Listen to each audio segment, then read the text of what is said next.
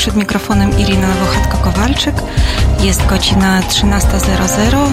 Najbliższe dwie godziny spędzę z Państwem ja. Mam nadzieję, że będziecie aktywnie uczestniczyć w naszej audycji, w naszym programie, więc zachęcam gorąco, zabierajcie głos, e, dzwońcie, piszcie. E, wszystkie komunikatory są dostępne. E, nasi słuchacze zapewne już, już je znacie.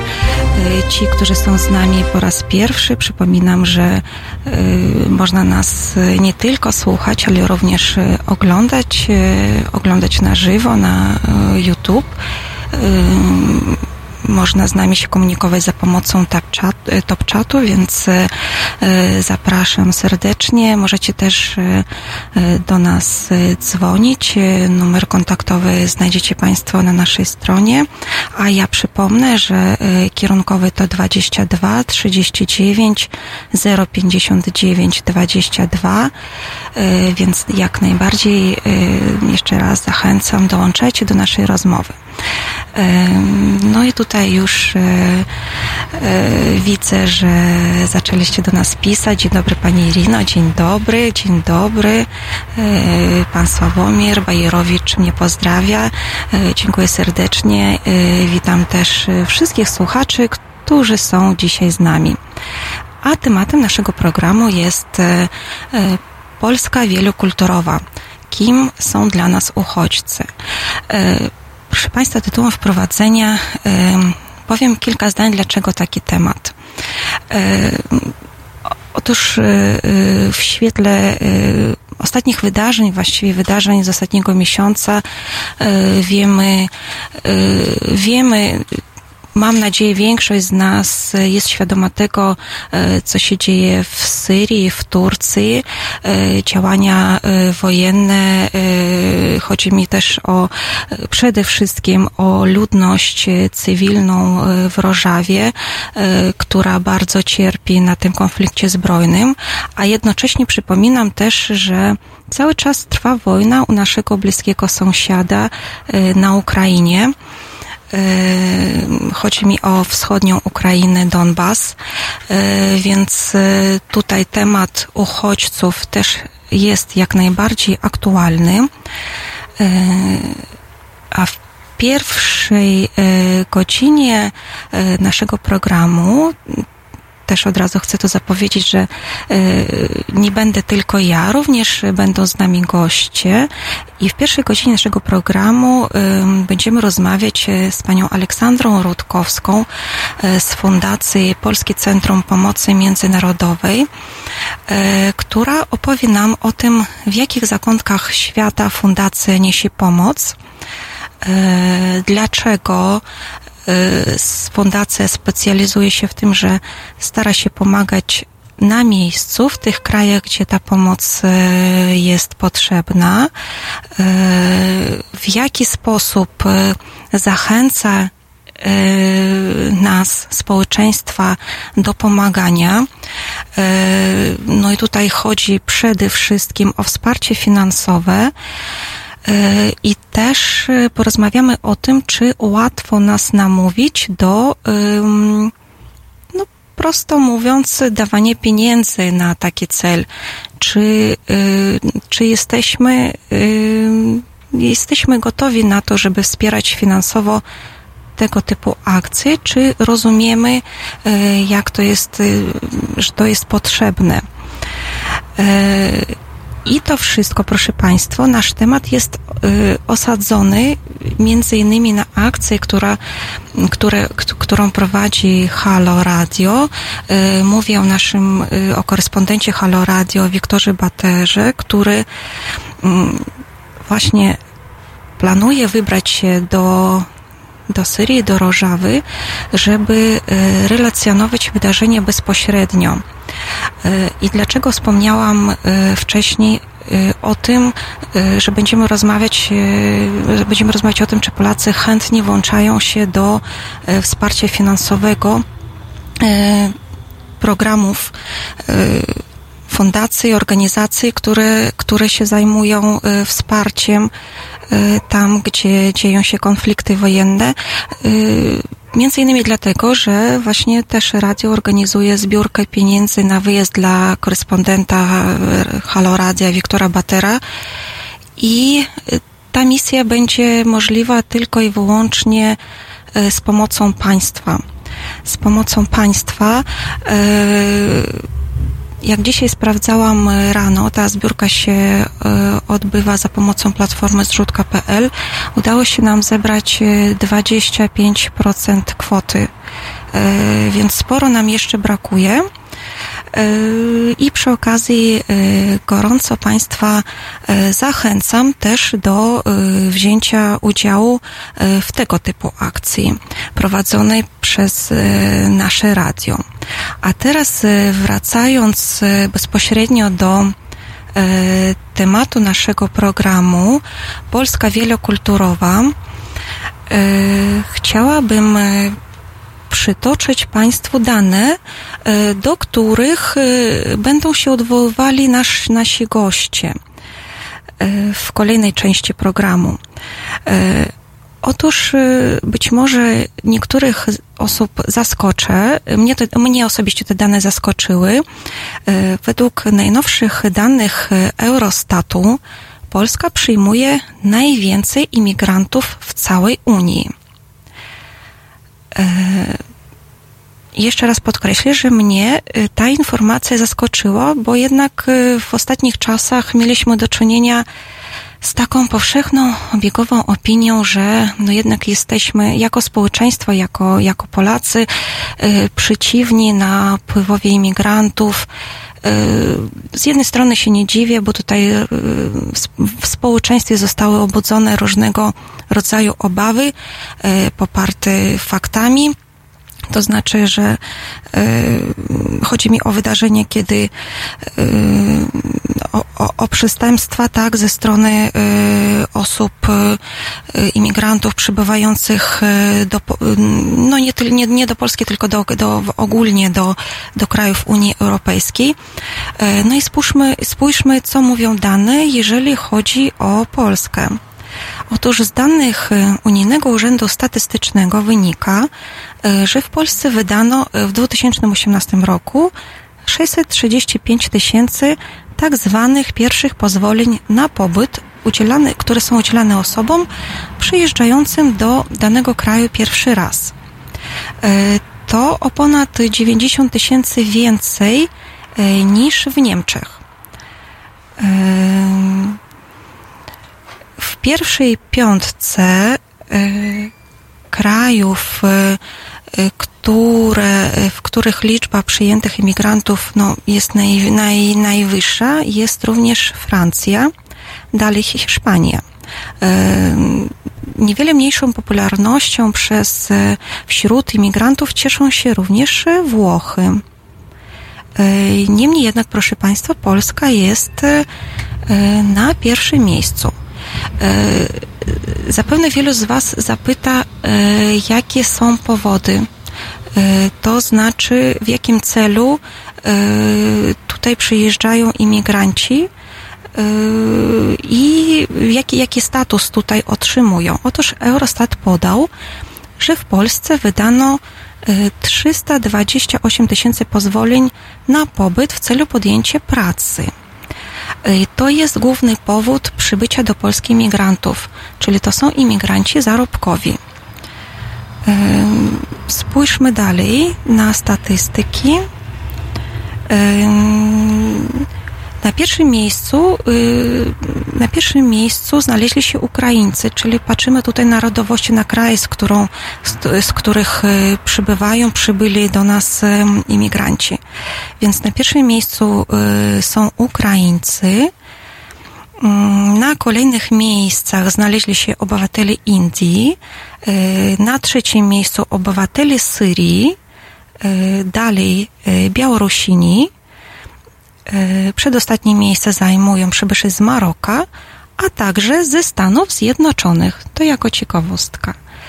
E, proszę Państwa, e, tak jak już powiedziałam, o skomentowanie tych danych poproszę moich gości, którzy będą kolejno się dołączyć, dołą którzy dołączą do naszej rozmowy. A teraz posłuchajmy Red Hot Chili Peppers.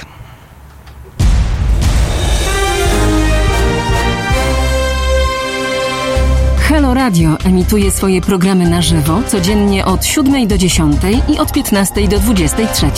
W weekendy od 11 do 23. Nocą Halo Radio gra powtórki najciekawszych programów dla naszych rodaków z za oceanu. www.halo.radio. Słuchaj na żywo, a potem z podcastów.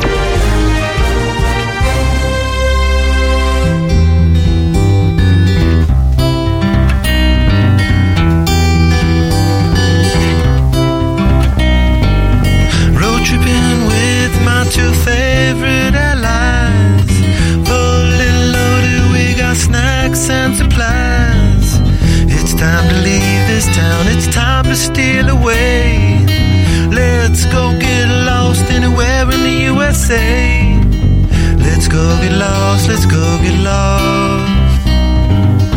Blue, you sit so pretty west of the one sparkle like with yellow icing, just a mirror for the sun. Just a mirror for the sun. Just a mirror for the sun. These smiling eyes are just a mirror for. So much has come before those battle lost and won. This life is shining more forever in the sun. Now let us check our heads and let us check the surf. Tries more trouble than it's worth in the sun. Just a mirror for the sun. Just a mirror for the sun.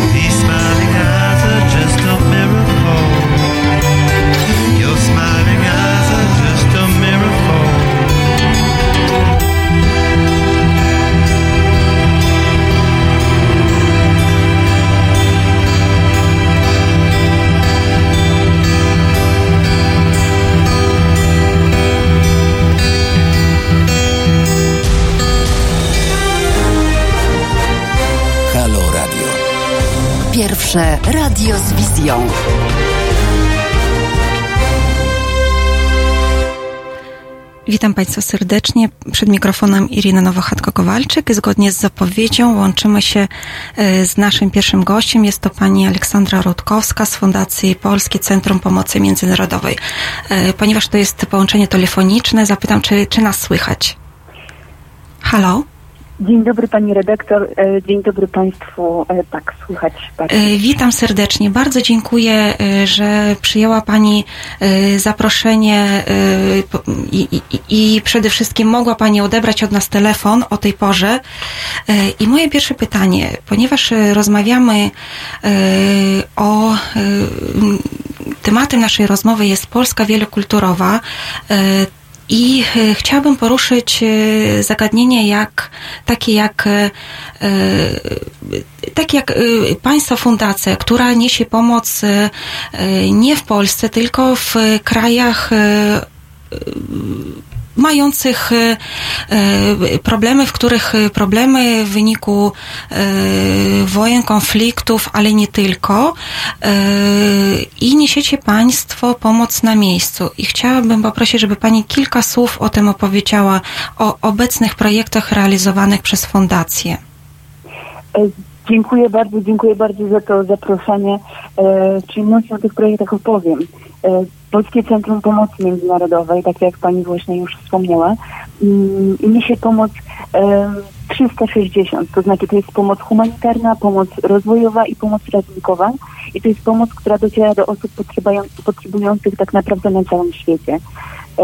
Od 2006 roku nasza fundacja objęła misję Liban, Ukrainę, Nepal, Peru, e, Sudan Południowy, Ugandę, e, Palestynę, Gruzję, Etiopię i mogę tak wymieniać dalej.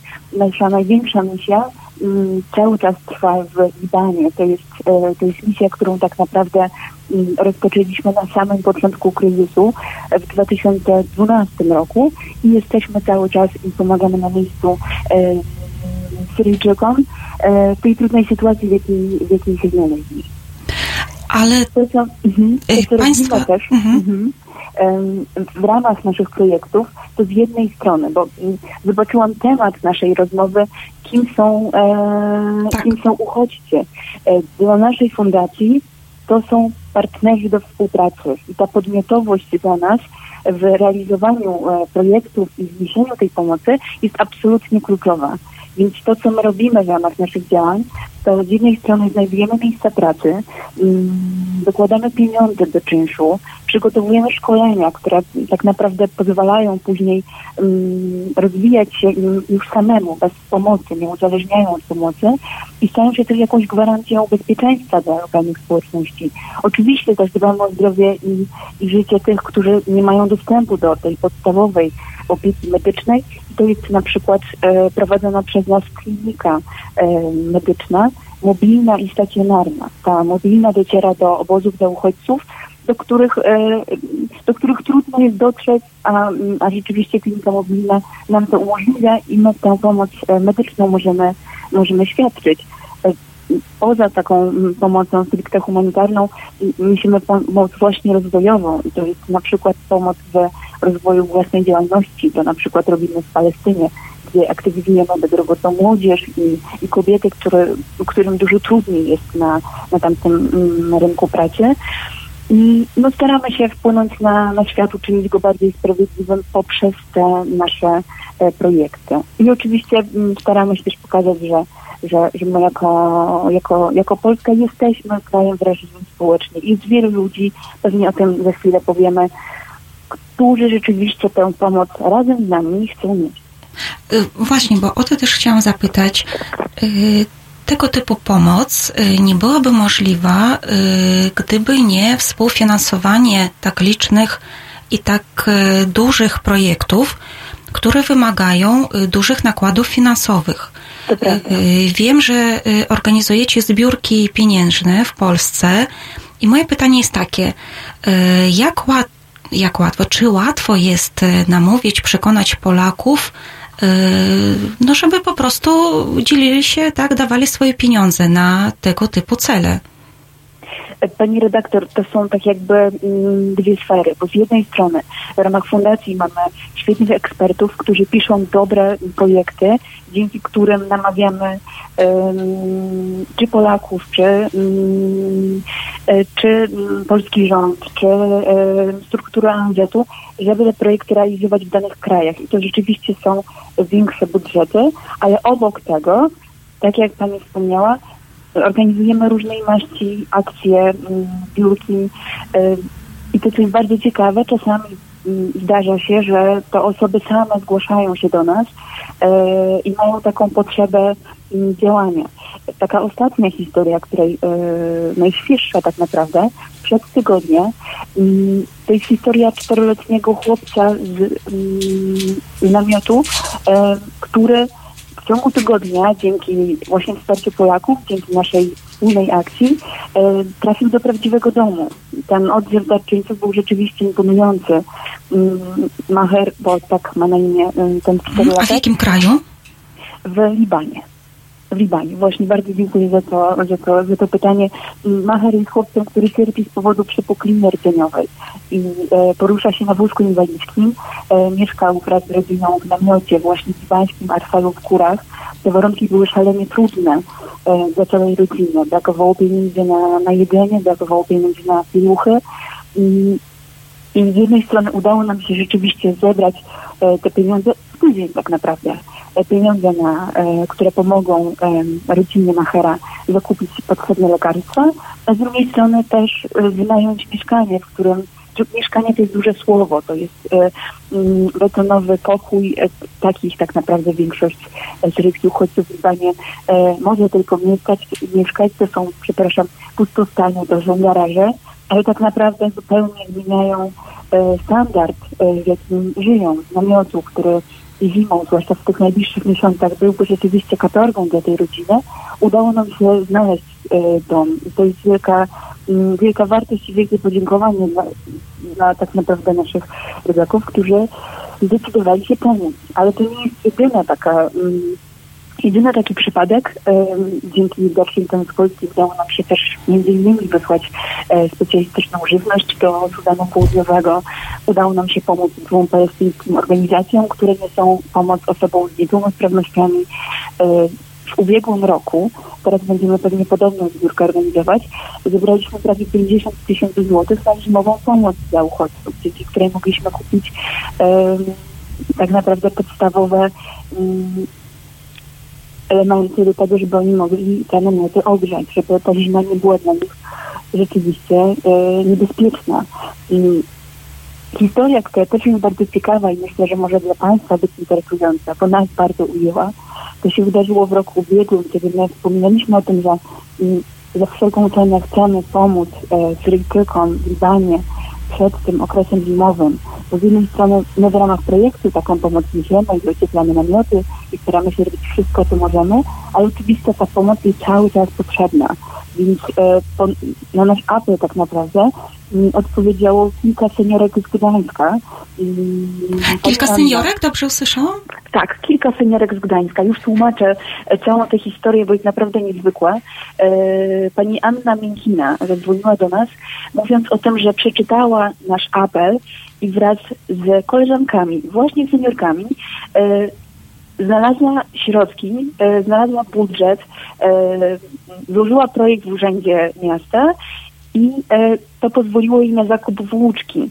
E, dzięki tej włóczce wszystkie panie przygotowały i przygotowały na drutach prawie 300 czapek dla właśnie dzieci syryjskich uchodźców. E, my oczywiście niesiemy tę pomoc na miejscu. To, był taki, to była taka okazja, kiedy rzeczywiście mogliśmy no, dać im trochę ciepła, y, takiego też symbolicznego, w postaci takich ręcznie zrobionych czapek, a przez to, że my tak naprawdę y, mamy na miejscu pracowników lokalnych, więc oni zabierając swój bagaż, mogli te czapki zabrać. Bo, bo to, co podkreślamy wszyscy jako pracownicy organizacji humanitarnych, y, ta pomoc nie ma być rzeczowa. I tak naprawdę czasami ten transport tej pomocy byłby wyższy niż, e, niż jej wartość tak naprawdę. Więc kluczem jest organizować tę pomoc tam, gdzie jesteśmy i angażować w to lokalnych pracowników i my to robimy w różnych naszych projektach.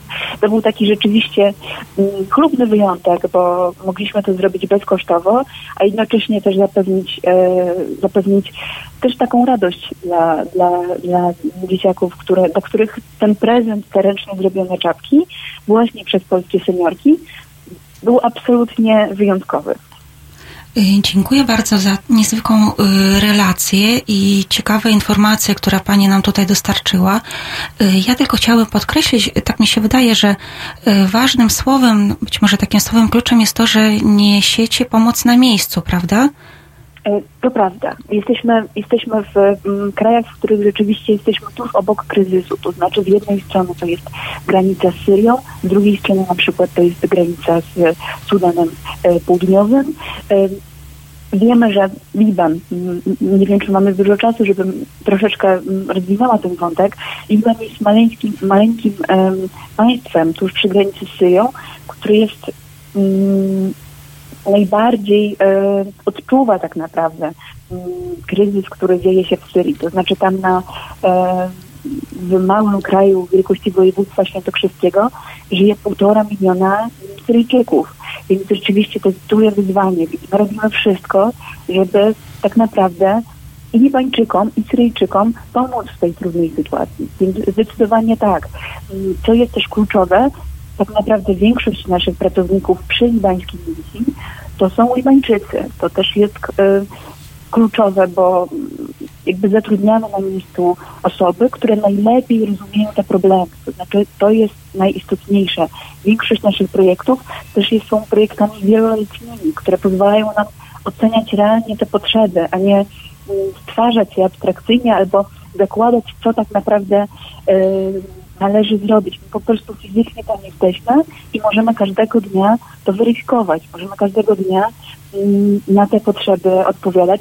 Właśnie dlatego znaleźliśmy rodzinę Machera y, i, i, i mogliśmy w tej bardzo trudnej sytuacji błyskawicznie tej pomocy udzielić. To, co też jest ważne i, i myślę, że słuchacze też chcieliby, chcieliby o, tym, o tym wiedzieć, że również oni mogą włączyć się w taką, w taką pomoc i robić to z nami. Wystarczy wejść na ptpm.org.pl ukośnik pomoc i, włączyć się w to działanie wspólne, bo tak naprawdę razem razem możemy zrobić więcej. Pani Aleksandro, bardzo dziękuję za tę rozmowę. Na pewno temat będziemy kontynuować w naszych dalszych programach. Niestety musimy już kończyć, bo czas antenowy nas goni. Proszę pozostać z nami, słuchać nas. Może Pani też dołączyć się do dyskusji, komentując naszą rozmowę w dalszej Bardzo części dziękuję. programu. Pozdrawiamy serdecznie z anteny serdecznie Halo Radio. Pozdrawiam.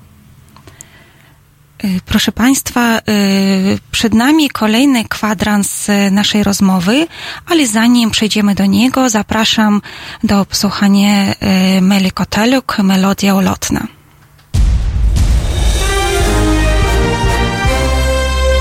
Środę. Między 17 a 19 przewodniczący Związku Zawodowego Związkowa Alternatywa Piotr Szumlewicz o prawach pracowniczych, ich łamaniu i wspólnej walce o lepsze jutro. 17-19. www.halo.radio. Słuchaj na żywo, a potem z podcastów.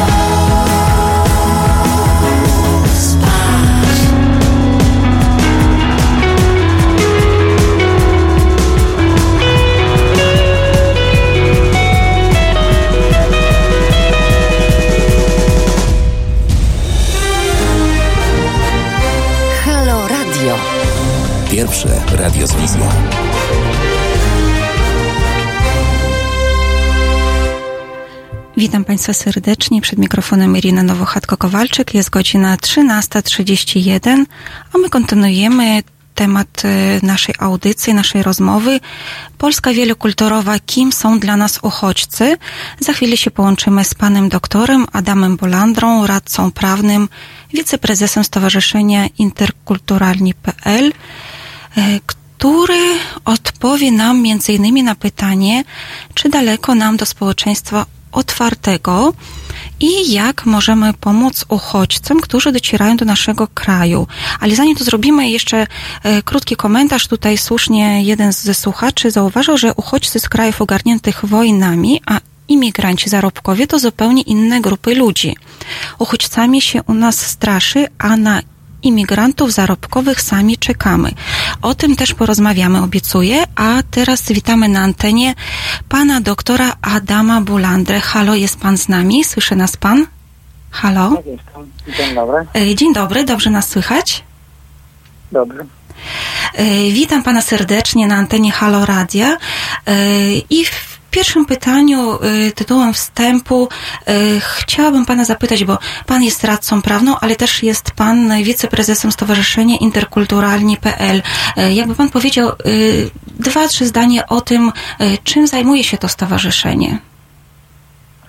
Stowarzyszenie zajmuje, zostało założone w 2010 roku i od tego czasu zajmuje się po pierwsze integracją imigrantów środowisku lokalnym, dlatego że imigranci, jak wiadomo, e, żyją przede wszystkim w środowiskach lokalnych, a więc w społecznościach tych e, samorządowych. No oprócz tego zajmujemy się edukacją mm, e, społeczeństwa przyjmującego, bo to jest bardzo ważne z punktu widzenia, bo integracja jest e, zawsze procesem dwukierunkowym, to znaczy takim, który obejmuje zarówno tego, który przybywa, jak i społeczeństwo, które takiego przybysza przyjmuje.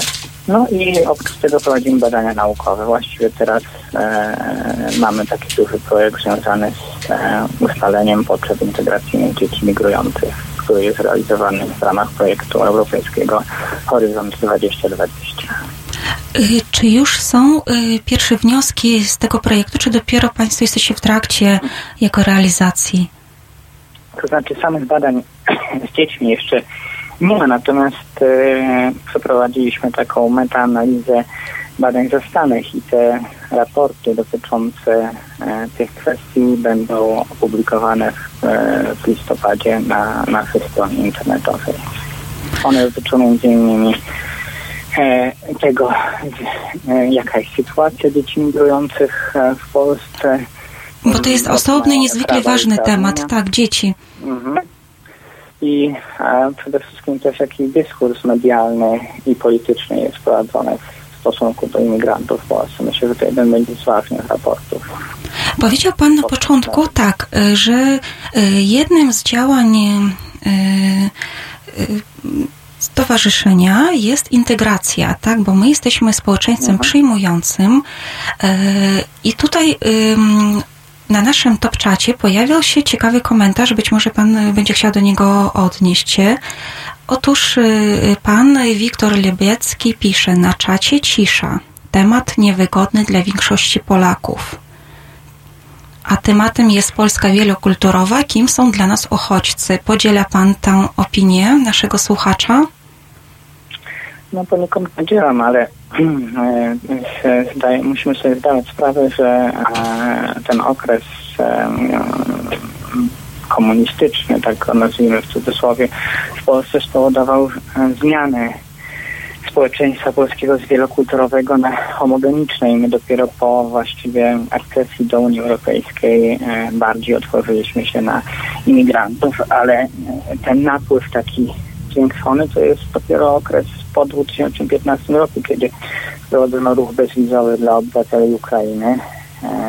I, i, I, od tego momentu zaczyna się e, w Polsce jakby kształtować społeczeństwo wielokulturowe, no i e, musimy sobie zdawać sprawę z tego też, że nie kształtuje się ono w, e, w jakby atmosferze całkowicie pozytywnej.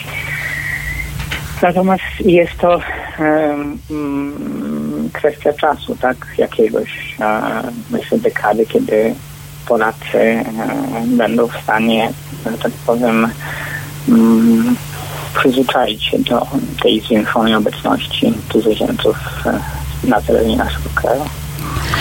A zatem takie pytanie, które mnie osobiście bardzo nurtuje, bo z jednej strony mamy przybyszy z Ukrainy, Ukraina jest najbliższym sąsiadem Polski, tak, od, od, jest naszym wschodnim sąsiadem, jest blisko nam, więc wydawałoby się, że powinniśmy rozumieć, chociaż trochę w jakimś stopniu znać tę kulturę, kulturę ukraińską. Z drugiej strony mamy też imigrantów z Bliskiego Wschodu. Czy tutaj pan, Państwo w swoich pracach naukowych, badaniach zauważyli różne podejście Polaków w stosunku do przybyszy ze wschodu, mówię tutaj o Ukrainie, a przybyszy z Bliskiego Wschodu że na przykład Ukraińców bardziej rozumiemy, mniej się boimy, natomiast przybyszy z krajów muzułmańskich właśnie się boimy, obawiamy się. Znaczy od razu muszę powiedzieć, że e, opinia społeczna Polaków jest bardzo ambiwalentna, to znaczy ona łatwo podlega manipulacjom, w szczególności medialnym, stąd e, prowadzona na szeroką skalę e, propaganda między rokiem 2015 a 2017, szczególnie w mediach publicznych czy narodowych, e, zniechęcająca Polaków do uchodźców czy imigrantów.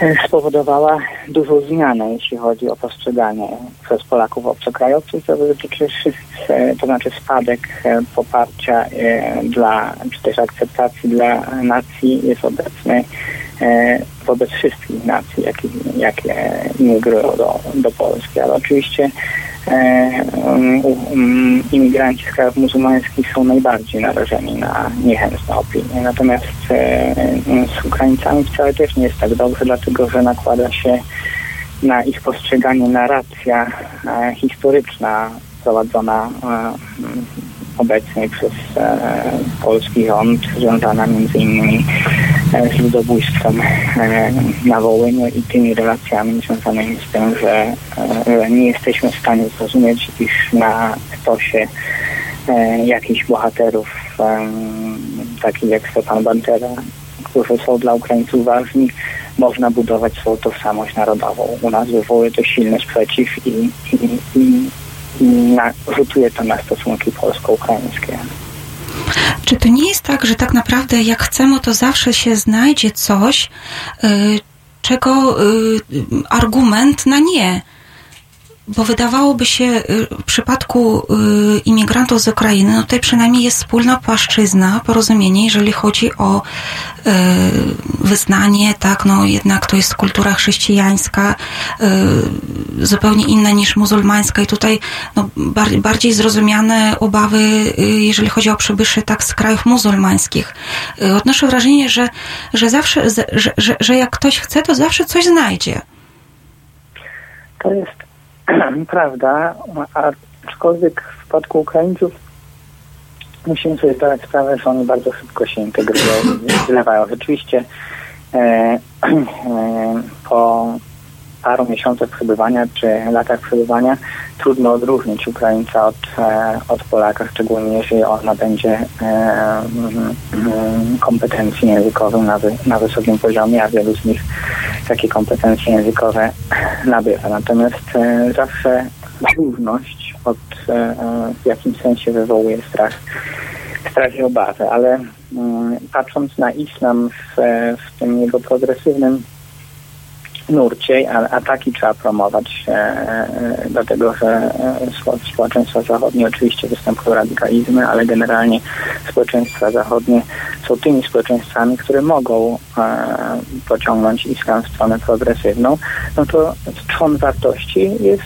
podobny między chrześcijaństwem a islamem, bo są religie, które się wywodzą ze wspólnego e, trzonu, wyznają tego samego Boga, w związku z tym e, też związane są z podobnymi wartościami. Dlatego i sam myślę, że nie należy się bać, tylko e, raczej e, e, jakby wyciągnąć płoń i do dialogu.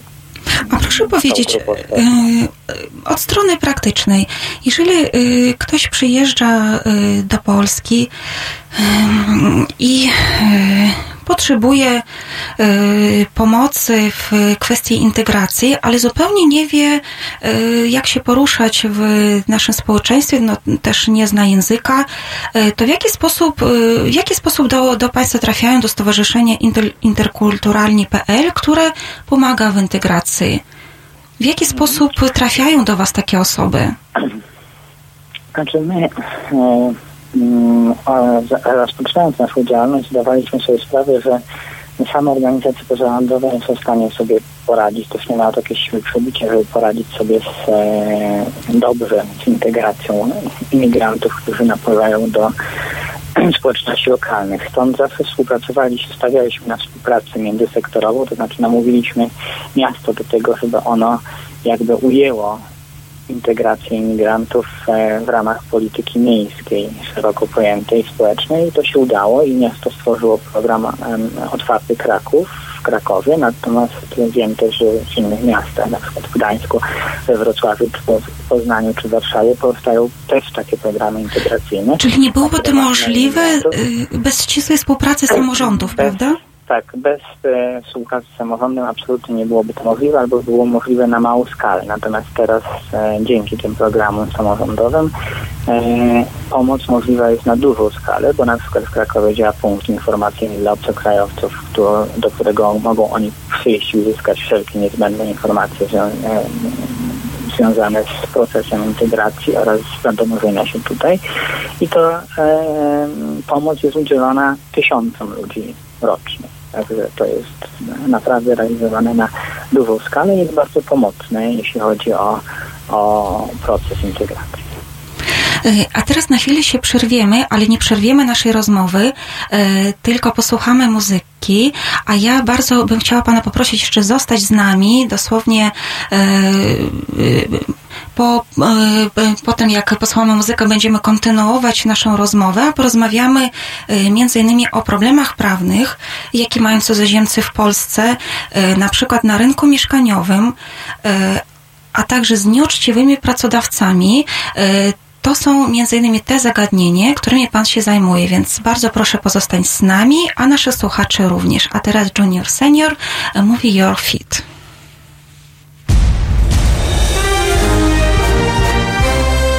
Jutro.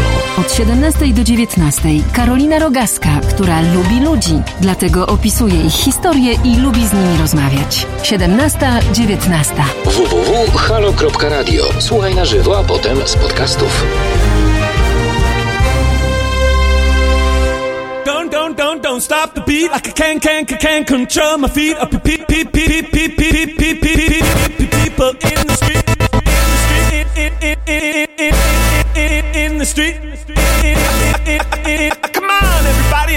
and move your feet.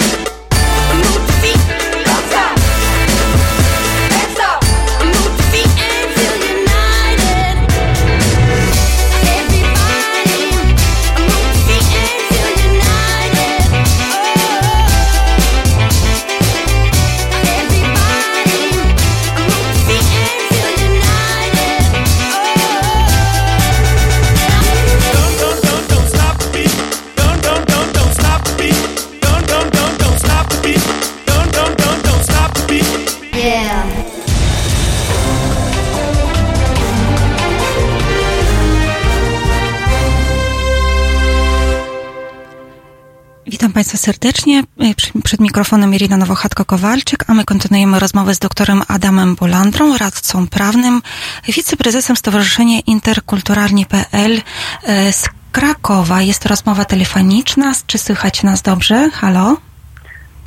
Dobrze, dziękuję. Skończyliśmy na tym, że e, chciałam Pana zapytać o e, problemy, o niektóre problemy, wiadomo, że nie omówimy teraz wszystkiego na antenie, ale e, chciałabym poruszyć e, e taką kwestię, jak obcokrajowiec, imigrant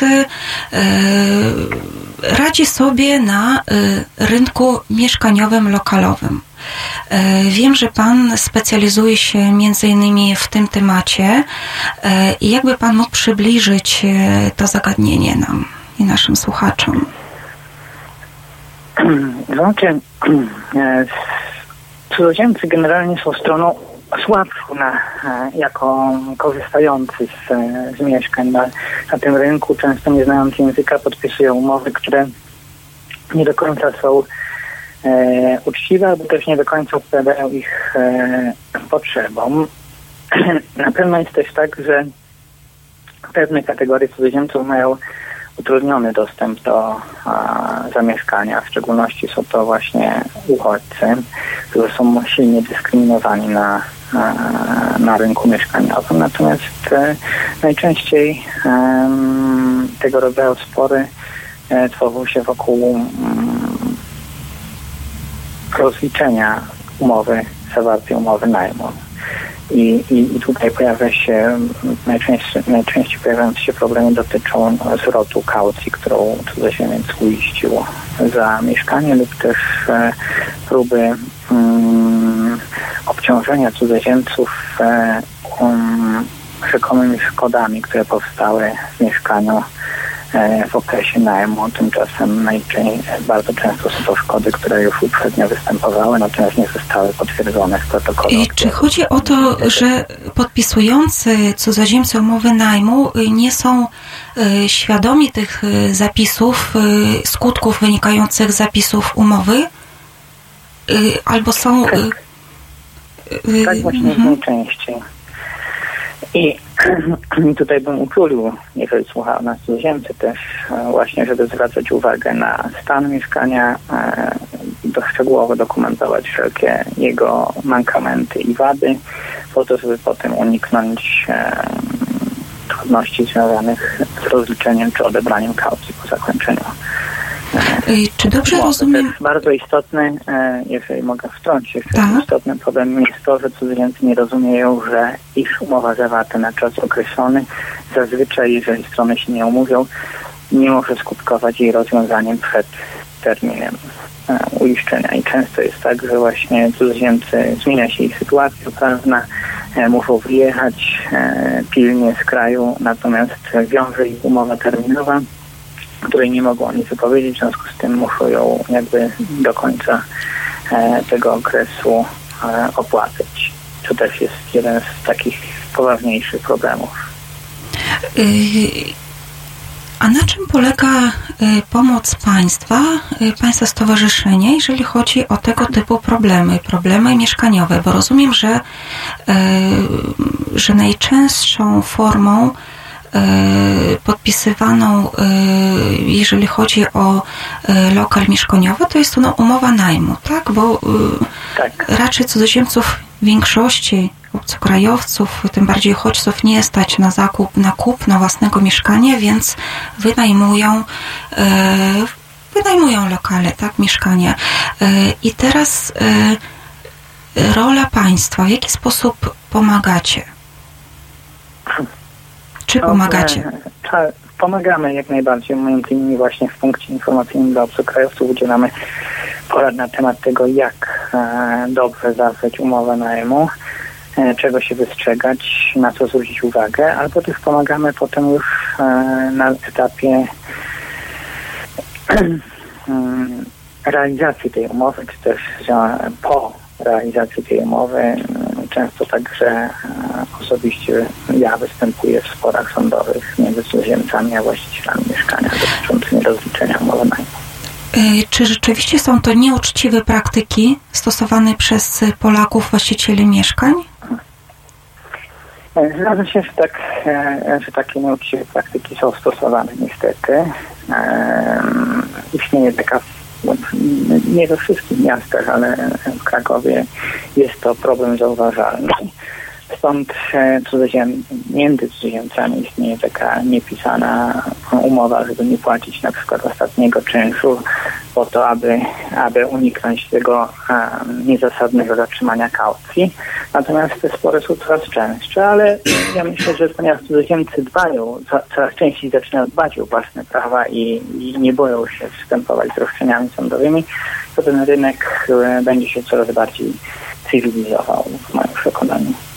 E, czy to jest tak, że e, cudzoziemcy, tak imigranci integrują się też w swoich wewnętrznych grupach, na przykład imigranci z Ukrainy z Ukraińcami, e, Syryjczycy z Syryjczykami, wymieniają się swoim doświadczeniem, tak, i nie popełniają pewnych błędów, albo tak jak Pan powiedział, nie płacą ostatniego czynszu, co to też nie jest no, takim do końca uczciwym rozwiązaniem, prawda?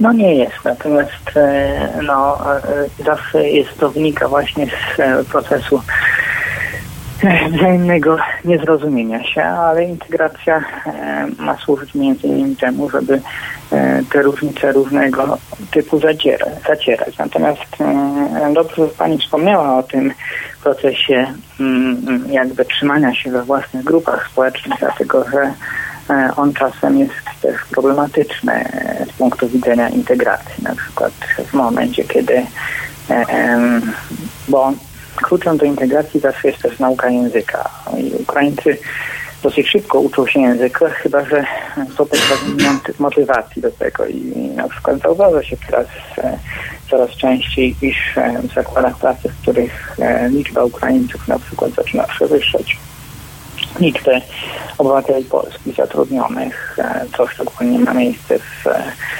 e, no, w dyskontach spożywczych czy też w budownictwie. E, no, traci się motywację do nauki języka i ten proces integracji spowalnia się, tak? dlatego że właśnie e, Ukraińcy czy inne nacje przybywają głównie w własnej grupy narodowościowej, w związku z tym nie mają potrzeby e, nauki języka polskiego.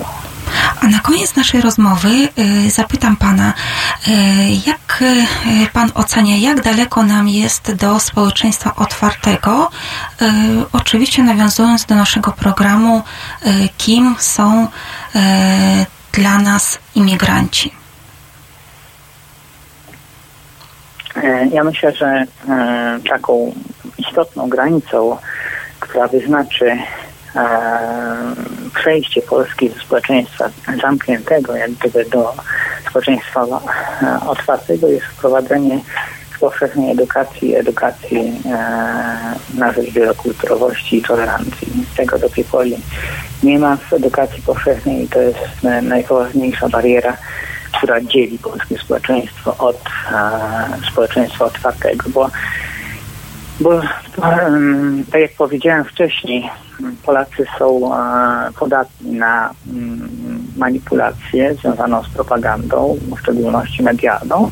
Natomiast y, w relacjach takich bliskich, jak już poznają cudzoziemca, to ta otwartość się pojawia i jest bardzo duża doza sceptyczności w takich relacjach bliskich. Natomiast to, żeby doszło do takich relacji bliskich, to musi nastąpić jakiś przełom związany z postrzeganiem cudzoziemców. A taki przełom jest tylko w moim przekonaniu możliwy wtedy, kiedy e, w ramach edukacji powszechnej te elementy dotyczące wielokulturowości i narracji związanej z otwartością będą obecne i będą wprowadzane na różnego rodzaju przedmiotach, od języka polskiego przez historię do, in, do wiedzy o społeczeństwie. Innej drogi jak gdyby nie ma, bo samo społeczeństwo e, nie mhm. nauczy się e, otwartości od tak. E, dziękuję serdecznie za rozmowę. A ja zachęcam ja, naszych słuchaczy i również Pana do pozostania z nami na antenie Halo Radia. E, za chwilę właściwie e, rozpoczniemy już niedługo kolejną część naszego programu i będziemy gościć w naszym studio Ismeny Saadi, radcy prawnego z Kancelarii Radcowskiej MS, która opowie o swoim doświadczeniu w pracy z cudzoziemcami, a zwłaszcza o problemach, z jakimi borykają się w naszym kraju. Będzie to okazja, drodzy słuchacze, e, do włączenia się do naszej dyskusji. E, przypominam, że e, można do nas pisać, mamy otwarty top chat, można do nas również dzwonić. Telefon do nas kierunkowy 22 39 059 22 a teraz zapraszam na posłuchanie Anna of the North Lovers.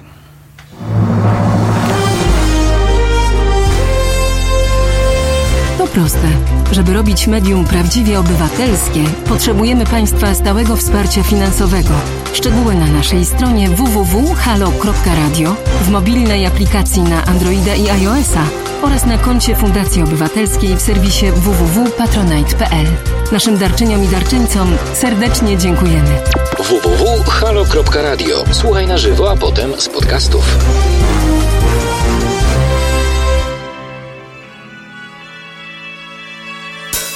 They say an end can be a start. Feels like a barbarian still alive. It's like a bad day that never ends. I feel the chaos around me. A thing I don't try to deny. I better learn to accept that there are things in my life I can't control. They say love is nothing but a sore. I don't even know what love is. Too many tears I've had to fold. Don't you know I'm so tired of it all? I have no terror, these spells. Finding out the secret words won't tell. Whatever it is, it can be named. There's a part of my world that's fading away. You know I don't want to be clever, to be being or superior. True like ice, true like fire. Now I know that a breeze coming me away. Now I know there's much more dignity in defeat than a brother's victory. I'm losing my balance on the tightrope. Tell me please, tell me please, tell me please, tell me please. If I ever feel better,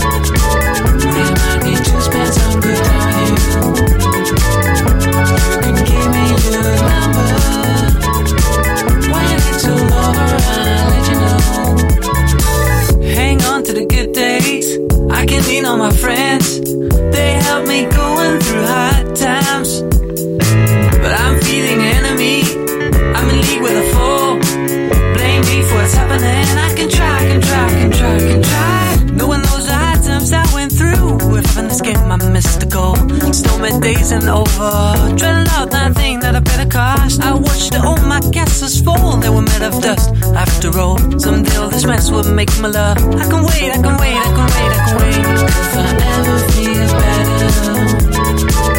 Remind me to spend some good on you. You can give me your number.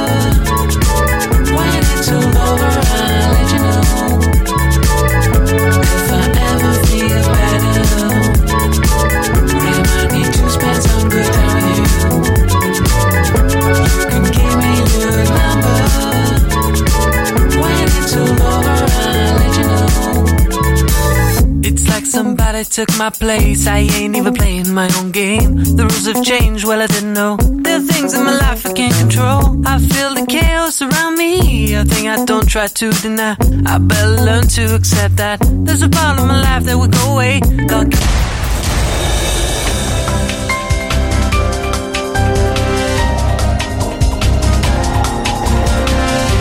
Dzień dobry Państwu, przed mikrofonem Irina Nowochatka-Kowalczyk, jest godzina 14.02. Yy, przypominam, że tematem naszej dzisiejszej rozmowy jest Polska wielokulturowa. Kim są dla nas uchodźcy? Yy, witamy w studio naszego gościa. Jest to Ismena Saadi, radca prawny z Kancelarii Radcowskiej MS, yy, która opowie o swoim doświadczeniu w pracy z cudzoziemcami, a zwłaszcza o problemach, z jakimi borykają się w naszym kraju. Witam serdecznie. Na początku chciałabym, e, żeby e, powiedziała nam Pani w kilku zdaniach, dlaczego zajęła się Pani pracą z cudzoziemcami? zaczęłam z pracy z cudzoziemcami w Stowarzyszeniu Interwencji Prawnej, które nieodpłatnie udziela porad prawnych cudzoziemcom. E, no i tam zauważyłam taką bardzo dużą potrzebę pomocy ze strony cudzoziemców, którzy szukali pomocy prawnej w, z różnych przyczyn. No, po kilku latach pracy w stowarzyszeniu e, założyłam własną działalność gospodarczą i od tej pory udzielam porad prawnych w kancelarii. Y, bardzo ważną rzecz powiedziała Pani od początku, że y, początkowo to były nieodpłatne porady prawne, co w tym momencie wydaje, w kontekście naszego tematu wydaje mi się bardzo istotne, bo po pierwsze imigranci, którzy docierają do Polski bardzo często, a właściwie zazwyczaj nie znają języka, nawet jak poznają to, jeżeli mają jakiekolwiek problemy, to też po pierwsze nie wiedzą, gdzie się zgłosić. Po drugie, też y, na pewno powstaje obawa, że y, jeżeli y, będą szukali pomocy prawnej, to za taką pomoc trzeba zapłacić. Jak to jest obecnie? Istnieją takie miejsca, gdzie imigrant, osoba z innego kraju może przyjść i po prostu uzyskać poradę chociażby na wstępie początkową bezpłatną za darmo? Mm, jest ta pomoc w tej chwili bardzo ograniczona. Y, kiedyś, y, kilka lat temu, przed 2016 rokiem, mam wrażenie, że ona była zapewniona w znacznie szerszym zakresie. To znaczy y, wszystkim cudzoziemcom, zarówno tym znajdującym się w procedurze uchodźczej, jak i tym, którzy po prostu ubiegali się o zezwolenia pobytowe w Polsce, była zapewniona pomoc integracyjna i prawna bezpłatnie w ramach funduszu FAMI. W tej chwili e, cudzoziemcy również mogą starać się poszukiwać takiej pomocy w organizacjach pozarządowych. Mm, dodatkowo osoby znajdujące się w procedurze uchodźczej mają zapewnioną pomoc państwa, w, pomoc prawną e, w zakresie odwołania od negatywnej decyzji w procedurze uchodźczej. Jak często są, y, padają takie negatywne decyzje, dostają? Y, bo rozumiem, że w momencie, kiedy y, obcokrajowiec dostaje taką decyzję, to musi w określonym terminie powrócić tak do swojego kraju? Tak, y, jeżeli mówimy o decyzjach uchodźczych, tak. to zarówno decyzje negatywne uchodźcze, jak i decyzje negatywne pobytowe na pobyt czasowy powodują, że można odwołać się od takiej decyzji w terminie 14 dni. Później sprawa idzie do organu drugiej instancji, który rozpatruje tą sprawę. Jeżeli ponownie zapadnie decyzja negatywna, to cudzoziemiec ma 30 dni na opuszczenie Polski. A proszę powiedzieć, osoby y, jakiej narodowości najczęściej przychodzą do Pani? Z jakich krajów przybywają?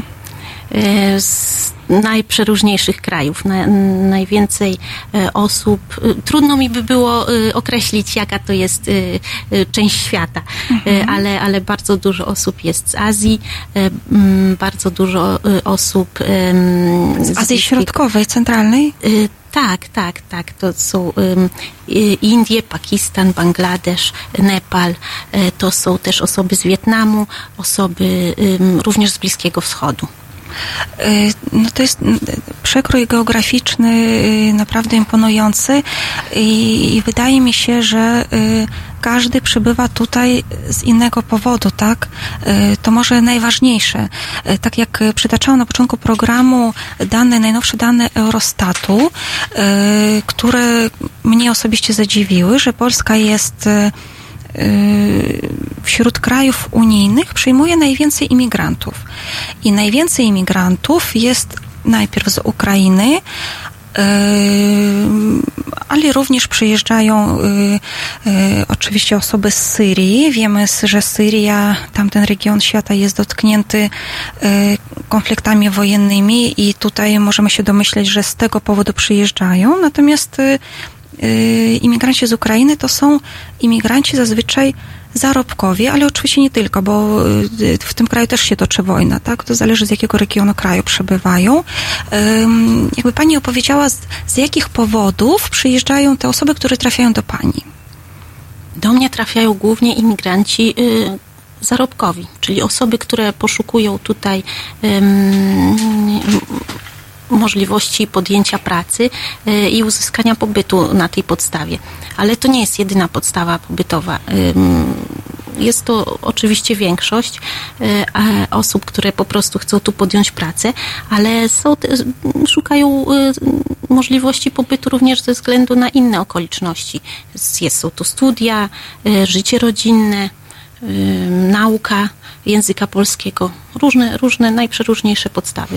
Czy to jest rzeczywiście tak, że y, jeżeli y, dana osoba, która się stara o pobyt ze względu na pracę, dostaje ten pobyt, y, dostaje, ma prawo tutaj pracować, to też sprowadza tutaj rodziny, czyli pracuje tutaj, wysyła tam pieniądze, jeździ tam w odwiedziny i, i jak gdyby nie łączy swojego życia z Polską. Jak to Pani obserwuje, z Pani obserwacji wynika?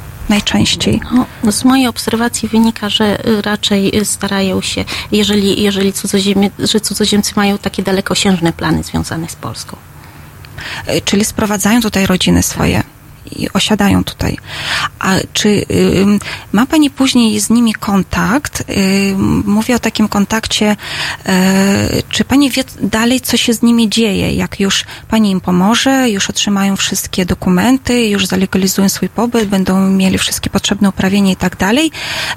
Czy ma Pani relacje jakieś od nich? Nie wiem, że, że wszystko jest dobrze, mamy fajną pracę, fajnych pracodawców, albo niefajnych. Czy są jakieś takie relacje zwrotne? No, różnie to bywa. Cudzoziemcy, którzy już dostaną pobyt, raczej y, rzadko opowiadają mi o swoich dalszych doświadczeniach. Natomiast jest grupa cudzoziemców, z którymi współpracuję. To są cudzoziemcy w procedurze uchodźczej lub starający się o zezwolenie na pobyt humanitarny w Polsce, z którymi tak no, y, jestem związana przez dłuższy czas, bo te procedury bardzo długo trwają i wtedy tak, wtedy dostaję od nich jakiś taki e, informację zwrotną, jak, jak im się żyje w Polsce i, i jak e, starają się sobie A mniej więcej jak dużo jest takich spraw e, osób w procedurze uchodźcej, uchodźczej w praktyce pani? Ja mam bardzo mało spraw uchodźczych. Bardzo A, tak, mało. bo pani mu powiedziała na początku, że głównie mhm. to są imigranci zarobkowi. Yy,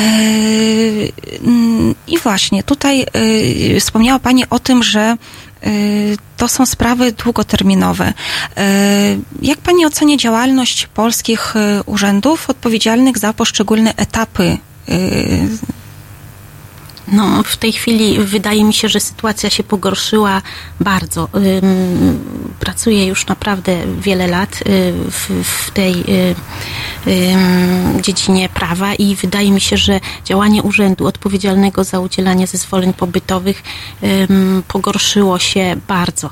Y, I nie chodzi tutaj tylko o problemy kontakcie z urzędem, czy problemy z umówieniem wizyty w urzędzie, ale chodzi o już takie poważne naruszenia prawa w procedurze, w tym postępowaniu, które prowadzi organ po to, żeby udzielić bądź no, odmówić udzielenia zezwolenia. Jest to bardzo y, ważny temat, zagadnienie w naszej dzisiejszej rozmowie, do którego powrócimy za chwilę. Teraz posłuchamy Fileless One Step y, to Fair Fit i wracamy do Państwa za chwilę.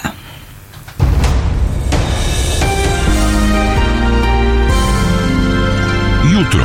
Od 21 do 23 telefony od Państwa odbiera Jacek Zimnik. Rozmowa, dialog, zrozumienie i żadnej agresji. 21-23. www.halo.radio. Słuchaj na żywo, a potem z podcastów.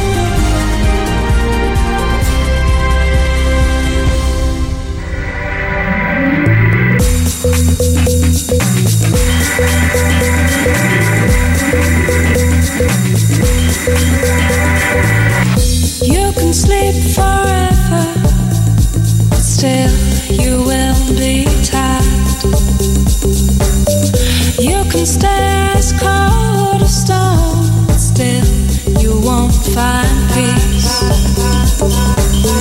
With you, I feel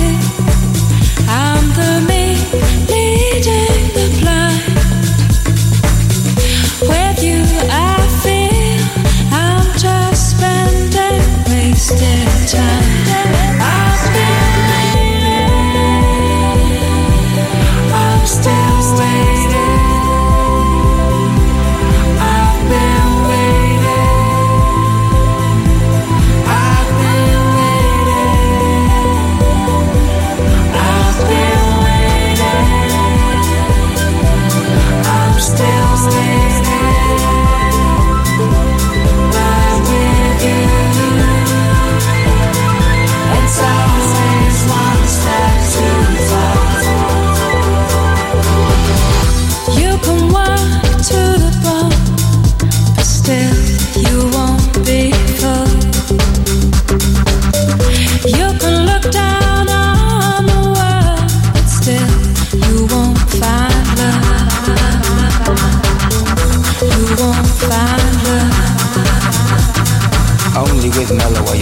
Slide through.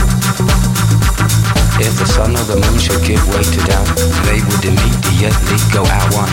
Swallow don't make a summer, but tomorrow has to start somewhere. Only with mellow while you're feeling of the slide through. Don't let nothing ride you one. Swallow don't make a summer.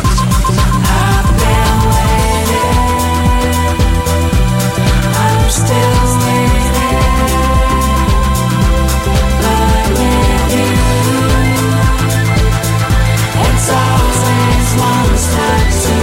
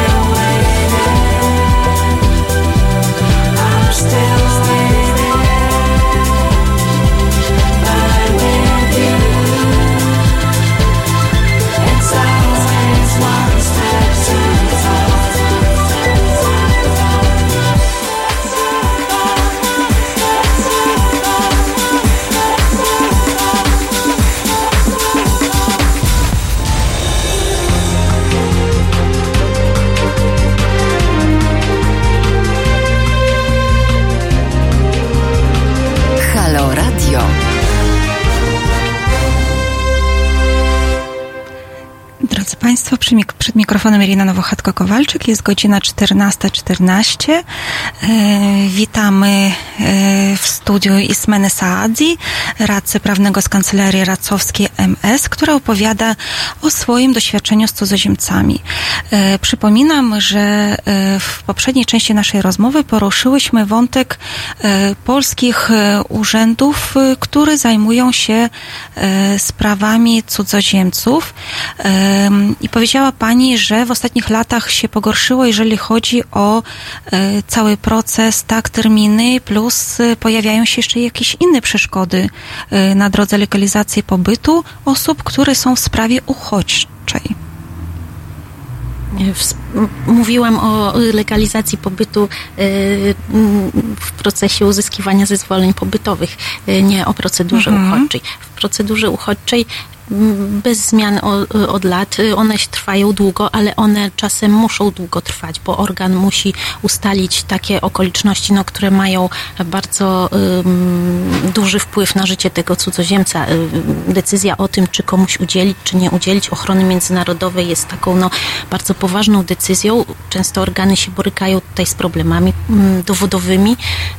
Ym, Cudzoziemcom trudno jest wykazać prześladowanie w kraju pochodzenia, trudno im dostarczyć dowody na tę okoliczność i, i, i często z tego powodu postępowania toczą się bardzo długo. Ale, ale myślę, że jest to, jeżeli, jeżeli ma to pomóc dojść do prawdy, to, to, no to jest to w jakiś sposób uzasadnione. Natomiast y, postępowania administracyjne, y, które prowadzą do udzielenia bądź odmowy udzielenia zezwolenia pobytowego, to są postępowania, w których y, również należy ustalić określone okoliczności. Cudzoziemiec musi wykazać, że spełnia warunki udzielenia takiego zezwolenia. No i na tę okoliczność dostarcza urzędowi dokumenty. No i w efekcie tak przeprowadzonego postępowania powinna być wydana decyzja. I to w określonym terminie, bo, bo to w jakich terminach organy wydają decyzję określa kodeks postępowania administracyjnego. No, z mojego doświadczenia wynika, że te terminy nie są przestrzegane prawie nigdy. Pra- w każdej sprawie, w której reprezentuję cudzoziemca, jest postępowanie prowadzone z naruszeniem tych terminów rozpatrywania spraw. A jak Pani sądzi, dlaczego tak się dzieje? Wydaje mi się, że przyczyną jest y, z jednej strony bardzo duże obłożenie urzędów sprawami, to znaczy bardzo dużo spraw przypada na y, jednego inspektora odpowiedzialnego za prowadzenie postępowań Ym, i pewnie się to wiąże też z zwiększoną ilością cudzoziemców napływających do Polski. Y, Tym bardziej, że z roku na rok ich jest coraz więcej. Coraz więcej y, przede wszystkim imigrantów zarobkowych. Tak, i wydaje się, że to zjawisko jest już oczywiste, e, natomiast chyba za tym nie idzie decyzja o zwiększeniu zatrudnienia w urzędach odpowiedzialnych za udzielanie zezwoleń pobytowych.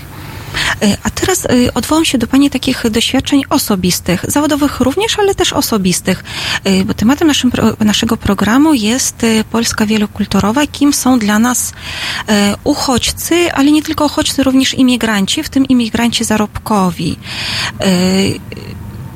Jak Pani ocenia? Udaje się, może inaczej, czy w Polsce działają, istnieją sprawne programy, instytucje, insty, y, w których biorą udział instytucje rządowe, które pomagają imigrantom integrować się ze społeczeństwem? Program integracyjny jest zapewniony, ale tylko dla osób, które e, uzyskały tutaj ochronę międzynarodową. To jest taki program integracyjny, za którego realizację jest odpowiedzialne Powiatowe Centrum Pomocy Rodzinie, zdaje się.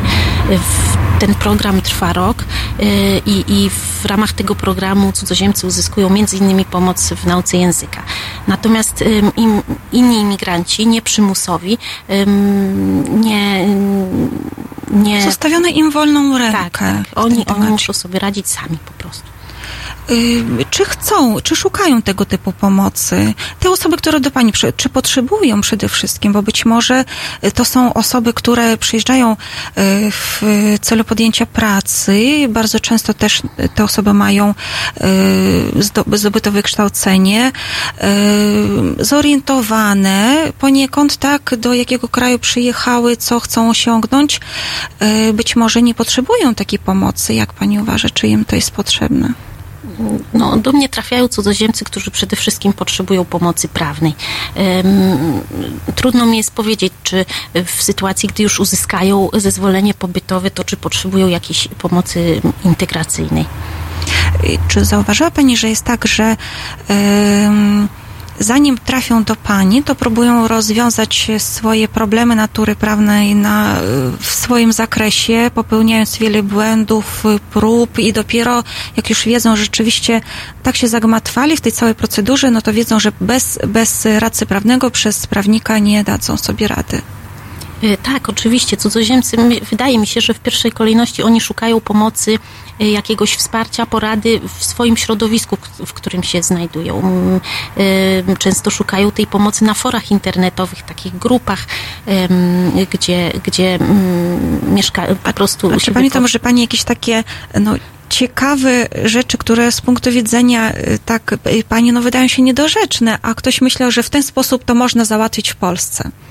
No to znaczy, mm, staram się nie oceniać nigdy tych problemów jako niedorzeczne, bo, y, bo rzeczywiście poruszać się tutaj w Polsce, w polskim systemie prawnym jest bardzo trudno, nawet dla osób, które dobrze znają język polski, więc no nie, nie, nie przypominam sobie takiej, takiej jakiejś sytuacji. Y, Zwykle są to no, poważne problemy tych cudzoziemców, którzy, którzy nie potrafią jakby sobie poradzić przede wszystkim z procedurami, y, no, które mają ich doprowadzić do pobytu legalnego w Polsce.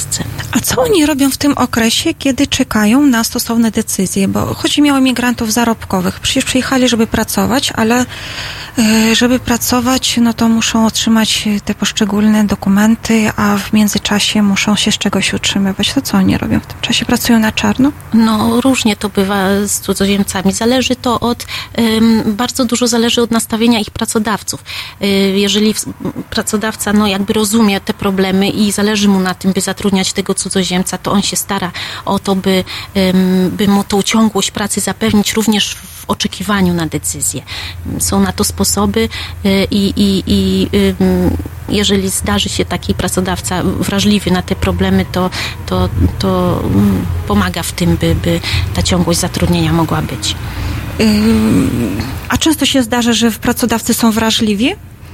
No nieczęsto to się zdarza. Rzeczywiście y, pracodawcom zależy, oni też są w trudnej sytuacji, bo im zależy po prostu na pracowniku. Oni chcą legalnie zatrudnić jakiegoś cudzoziemca bądź grupę cudzoziemców. Natomiast sposób, w jaki organy prowadzą postępowania, przewlekły przede wszystkim, no im to bardzo utrudnia. Więc pracodawcy też y, naprawdę na tym cierpią, na, na, na, na tym działaniu urzędu. Yy, Pracuje Pani z, po, yy, z pojedynczymi osobami, yy, ale również w Polsce jest bardzo rozwinięty sektor usług pośrednictwa pracy. Czy spotkała się Pani w swojej praktyce z problemami yy, osób, które korzystały z tego typu agencji pośrednictwa pracy, miały z tego powodu problemy i w końcu trafiły do Pani? Czy są Pani znane w ogóle tego typu y, problemy wśród y, y, tej grupy osób? Y, To znaczy, tak, spotkałam się z takimi problemami. Y, Agencje pośrednictwa pracy przedstawiają cudzoziemcom takie mm, dosyć skomplikowane w brzmieniu umowy, których oni często nie rozumieją. Natomiast taka łatwość y, podjęcia zatrudnienia we współpracy z agencją pracy no, jest kusząca dla cudzoziemców i tutaj mogą się pojawiać problemy. E, Dziękuję bardzo za wyjaśnienie tego tematu. E, W następnym kwadrasie poruszymy e, drugi, moim zdaniem, ciekawy temat oczekiwania imigrantów zarobkowych wobec Polski, a rzeczywistość. Więc zachęcam gorąco do pozostania z nami na antenie. A teraz posłuchamy Tuxedo On a Good One.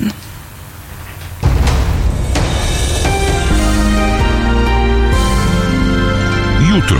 Między 19 a 21 dziennikarz śledczy Tomasz Piątek i tajemnice sługusów Moskwy z polskimi paszportami.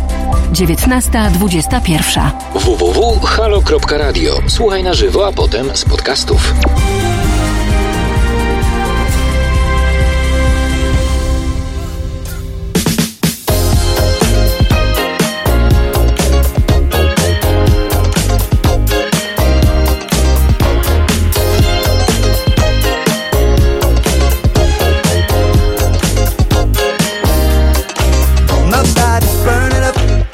Hot in here. And all this grooving is removing all my fears. My vision's blurring up, can't see too clear. And now this PYT is whispering in my ear. All my friends think I should go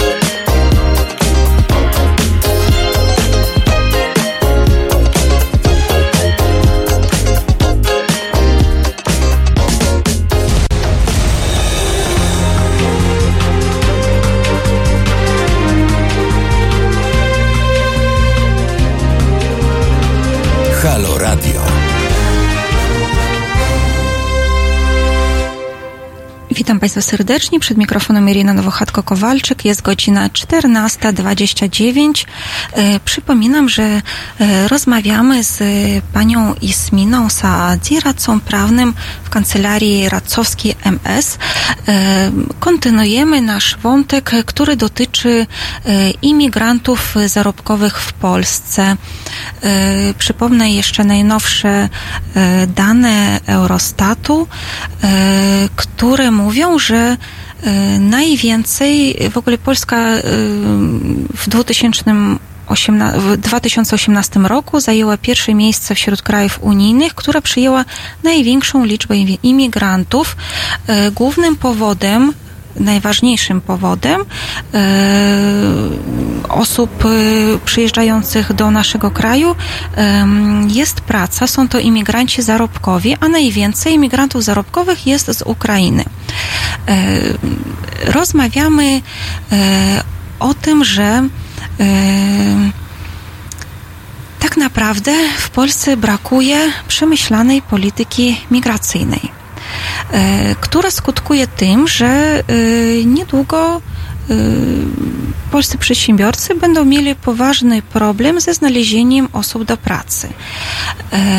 I wbrew obiegowej opinii, że zarobkowi imigranci to jest tania siła robocza, chciałabym też dodać, że bardzo y, dużo y, firm y, większych polskich oraz korporacji międzynarodowych również zatrudnia obcokrajowców z Ukrainy i też z innych krajów, y, z Bliskiego Wschodu.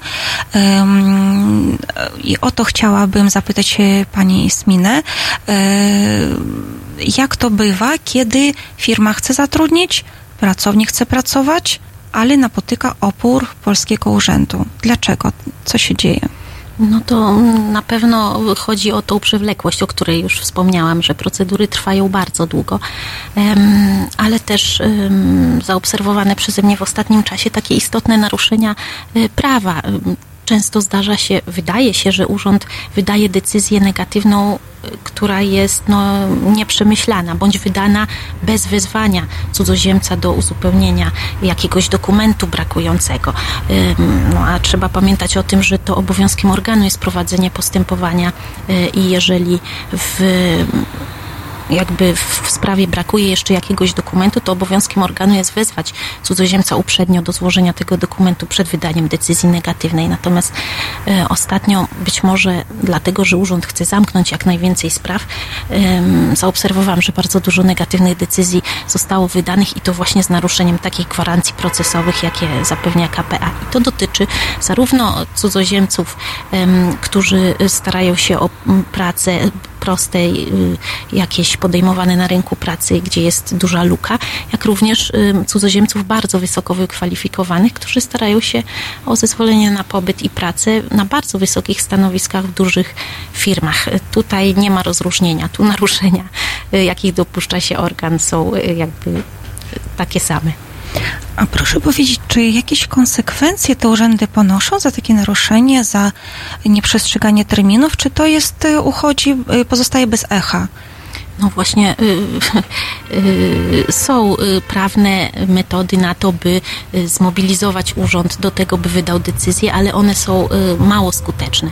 Mało skuteczne głównie z tej przyczyny, że organ drugiej instancji, który rozpatruje ponaglenia, również ma tak dużo spraw, y, że, że no nie, nie nadąża z ich rozpatrywaniem. To jest przerażające. Jak panią słucham, to mam wrażenie, że rozmawiamy o jakimś kraju trzeciego świata, gdzie biurokracja pogania biurokrację i no i, i tak jest. A jesteśmy w Polsce, w europejskim kraju, yy, gdzie, gdzie to jest na porządku dziennym. No właśnie, to jest y, dość przerażające. Wy- Wydaje mi się, że cudzoziemcy nie mają chyba tylu y, rzeczników w życiu społecznym y, czy politycznym, y, by, by no, należycie władze zwróciły uwagę na ten problem, bo on nie jest nowy. Ale z drugiej strony są bardzo potrzebni polskiej gospodarce. Tutaj robię ukłon w stronę polskich pracodawców. Tak, wydaje mi się, tak jak już wspomniałam wcześniej, to naprawdę dotyka w równym stopniu e, pracodawców, w tym polskich pracodawców poszukujących pracowników. Podczas gdy nasz zachodni sąsiad Niemcy otwierają w 2020 roku rynek pracy dla pracowników z Ukrainy. Będzie pani się, spodziewa się pani y, zmniejszenie potoku zainteresowanych y, pracą w Polsce?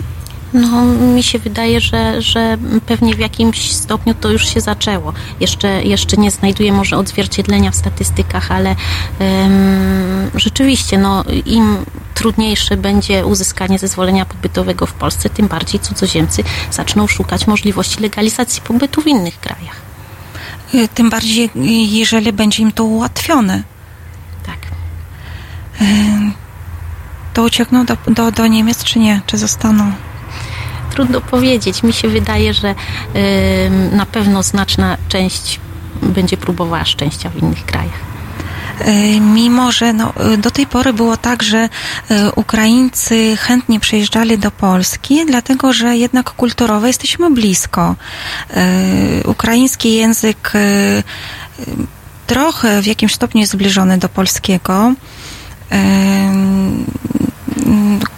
jeżeli chodzi o e, tradycje, to, no to też jesteśmy w tym tak w, w, w, w obszarze kultury chrześcijańskiej, więc jest ta płaszczyzna porozumienia i a, a, a druga rzecz, że no nie mają daleko tak naprawdę, tak? I, i, i to ich tutaj, tutaj trzyma. Natomiast e, sama z ciekawością będę obserwować, co będzie się działo po styczniu 2020 roku, a to już e, za kilka miesięcy. E, tutaj widzę, że uaktywnili się nasi słuchacze, e, którzy zgadzają się, potwierdzają to, co pani mówi. Otrzymanie pozwolenia na pracę to prawdziwa droga przez mękę. Można czekać i czekać. E, Ukraińcy to już wcale nie taka tania siła. E, no tak, podkreślam, że e, no po pierwsze nie taka tania siła, po drugie bardzo wiele osób o wysokich kwalifikacjach z wyższym wykształceniem przyjeżdża do Polski pracować na bardzo wysokich stanowiskach. Sama znam kilka takich przykładów, gdzie Ukraińcy, między innymi panie, kobiety pracują w Polsce w branży IT, gdzie kobiet jest e, stosunkowo mało nie tylko w różnych branżach, więc y, tak naprawdę rynek pracy jest dla każdego. Y, zobaczmy, co jeszcze, co jeszcze piszą do nas nasi słuchacze. Jest jeden głos a propos y, urzędników. Konsekwencje dla urzędników? Pyta jeden z naszych słuchaczy. To nie u nas. Y, dlaczego Pani zdaniem są takie, no takie y, nie wiem nawet jak to powiedzieć, nazwać. Negatywne doświadczenie. No negatywne doświadczenie i y, nie, nie ma optymizmu, tak, że, że no na razie na przykład, no nie wiem, jest tak jak jest, ale, ale są, czy, czy nie ma y, widoku na to, że to się zmieni w najbliższym czasie? Jeżeli no. chodzi o pracę urzędów.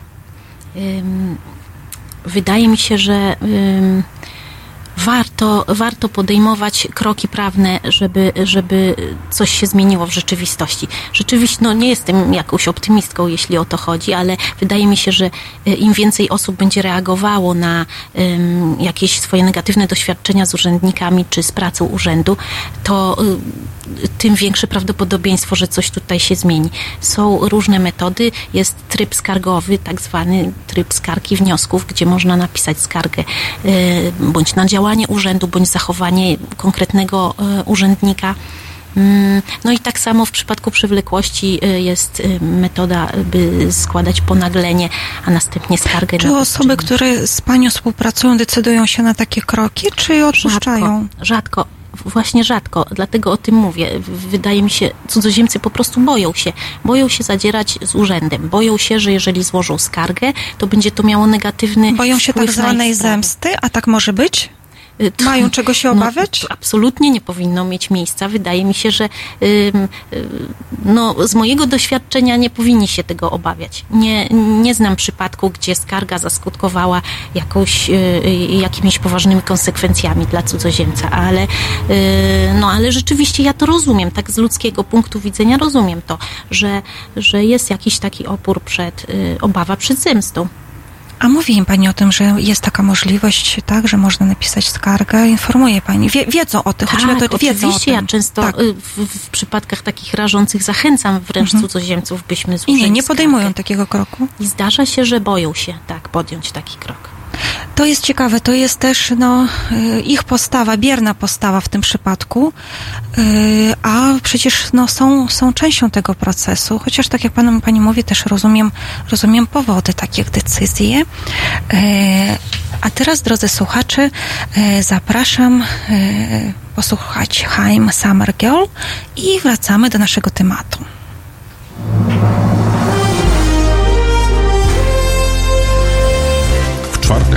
O poranku między siódmą a dziesiątą budzi Państwa Wiktor Bater. Kiedyś spał do południa, teraz śpi do 5.30. Halo Poranek od siódmej do dziesiątej. www.halo.radio. Słuchaj na żywo, a potem z podcastów.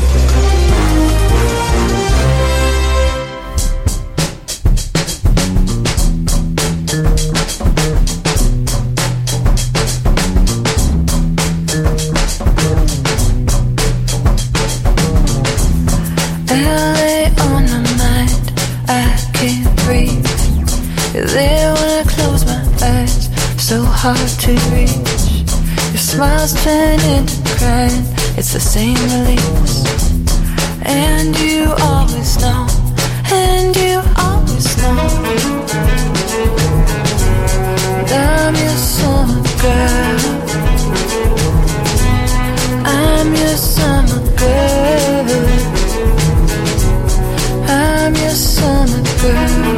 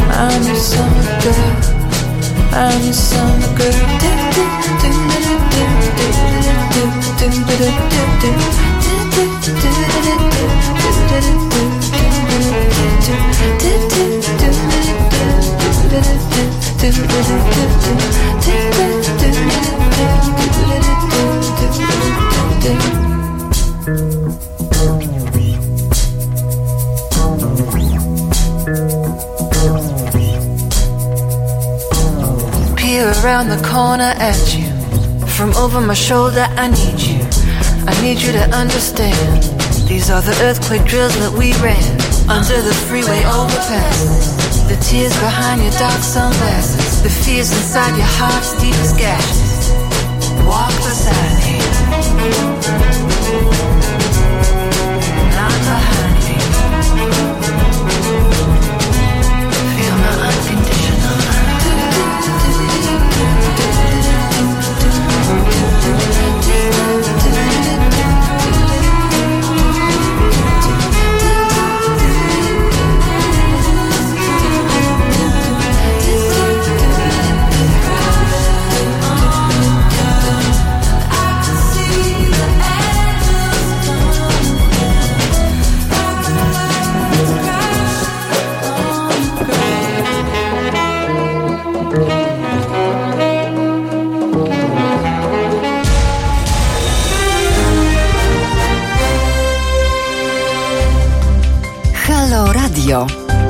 Pierwsze medium obywatelskie.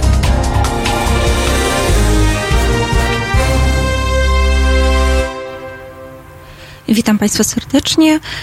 Przed mikrofonem Irina Nowochatko-Kowalczyk, a w studiu jest ze mną Ismena Saadi, radca prawny z Kancelarii Radcowskiej MS, z którą rozmawiamy o, o doświadczeniu o pracy z cudzoziemcami, a zwłaszcza z imigrantami zarobkowymi. I tutaj podczas przerwy poruszyłyśmy ciekawy wątek, który chciałabym też omówić na antenie, który dotyczy tego, jak Polacy, zwykli Polacy odbierają czy w ogóle są świadomi, że imigranci są wśród nas i imigranci zarobkowi? Kim jest imigrant zarobkowy dla zwykłego Polaka? Otóż wydaje się, że dla zwykłego Kowalskiego no takie pojęcie jest na tyle abstrakcyjne, na ile zapozna się ze statysty statystykami, a może się i nie zapozna ze statystyką. To nie jest temat, o którym się rozmawia na co dzień. To jest bardziej temat dla pracodawców, bardziej temat dla polityków, temat dla urzędników i tak Ale yy, i tutaj oddaję głos mojej rozmówczyni. Yy, dlaczego to jest ważne? Dlaczego, yy, czym, co oznacza dla zwykłego Polaka to, że imigrant zarobkowy będzie miał łatwiej albo trudniej? To znaczy, no, wydaje mi się, że ym, rzeczywiście, jeżeli nas jakiś problem osobiście nie dotyka, y, no to jest, funkcjonuje gdzieś w tle naszego życia. I tak pewnie jest y, ym, z Polakami, z osobami tutaj mieszkającymi, ale trzeba sobie uświadomić to, że ci cudzoziemcy tu są i oni tu będą y, i, i że wszyscy żyjemy no, w tym społeczeństwie i problemy cudzoziemców no, mogą w jakiś sposób rzutować ogólnie na funkcjonowanie całego społeczeństwa, dlatego że oni tutaj borykając się z problemami, no, nie mają jakby czasu czy przestrzeni na to, by nawiązywać normalne relacje z otoczeniem, więc wydaje mi się, że, że to jest poważny problem. A czy z Pani doświadczenia, bazując na swoim doświadczeniu, mogłaby Pani powiedzieć, czy osoby, z którymi Pani współpracuje, spotkały się z negatywnym nastawieniem Polaków do nich? Opowiadają Pani o takich sytuacjach? To znaczy tak, tak, zdarzyło się, że moi klienci mieli problemy w Polsce z tym, że no, byli jakby zaatakowani, byli ofiarami jakichś ataków rasistowskich, ale, ale oni nie chcą o tym mówić. Jest to dla nich jakaś sytuacja upokarzająca. W pewnym stopniu. Nie wiem, w jakim stopniu szukają pomocy. Czy to oznacza, że też nie zgłaszają tego na policję, tego typu przypadki? Wydaje mi się, że bardzo dużo incydentów takich, w których oczywiście nie, nie doszło do naruszenia um,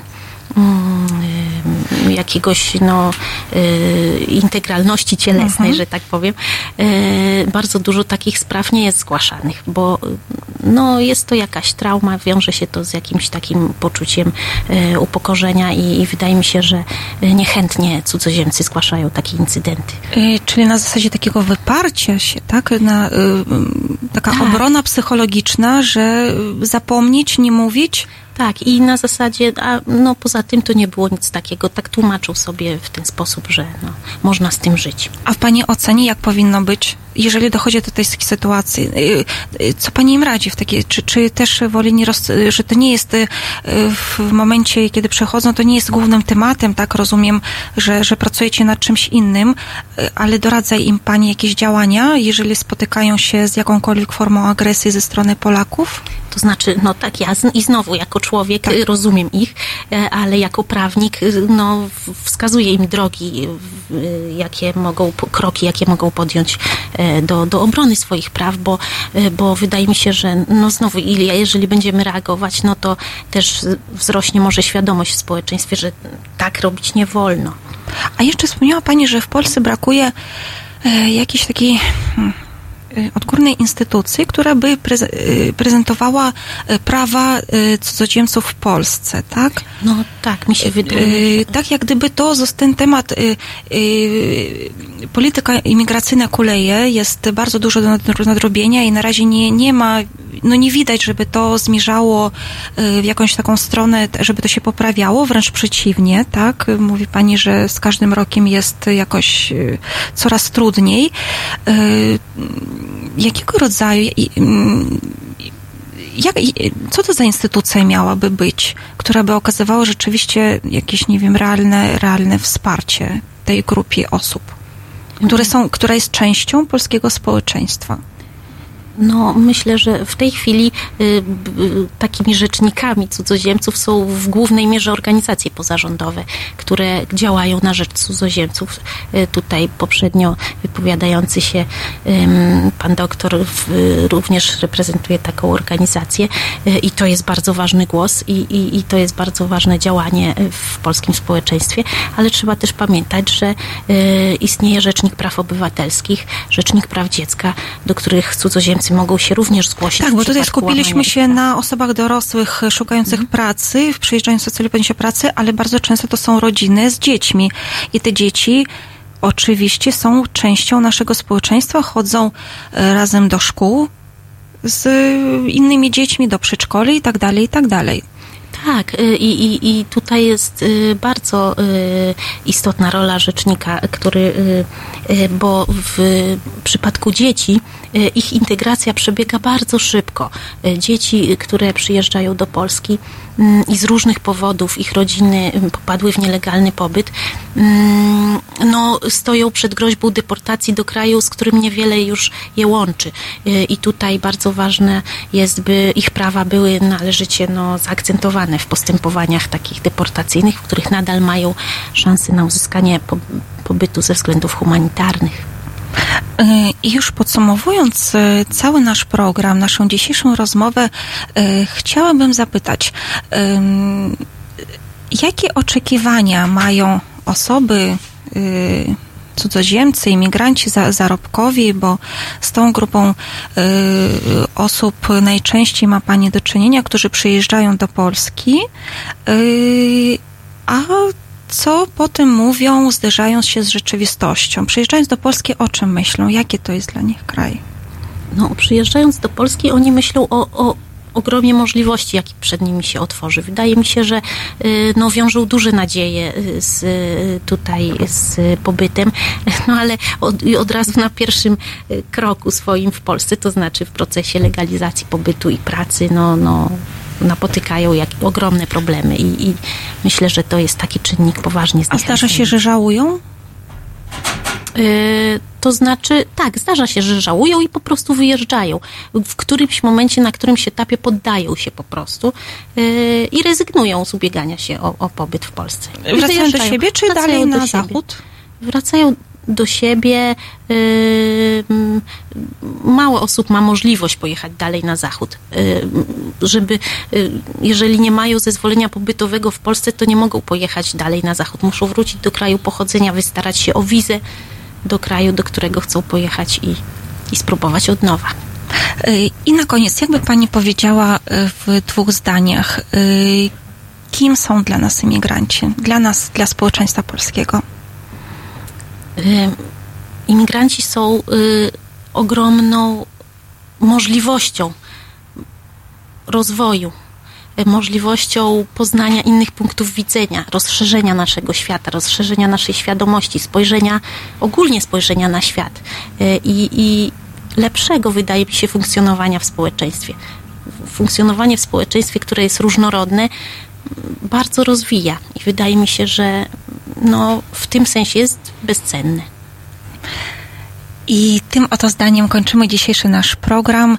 E, bardzo dziękuję e, mojej rozmówczyni i innym gościom, których e, gościłam dzisiaj na antenie Halo Radia, a naszych słuchaczy zachęcam do pozostania na antenie i do zobaczenia za tydzień o godzinie 13.00 w niedzielę. Pozdrawiam serdecznie. Ostatnie dwie godziny spędziliście Państwo ze mną, Iriną Nowochatko-Kowalczyk.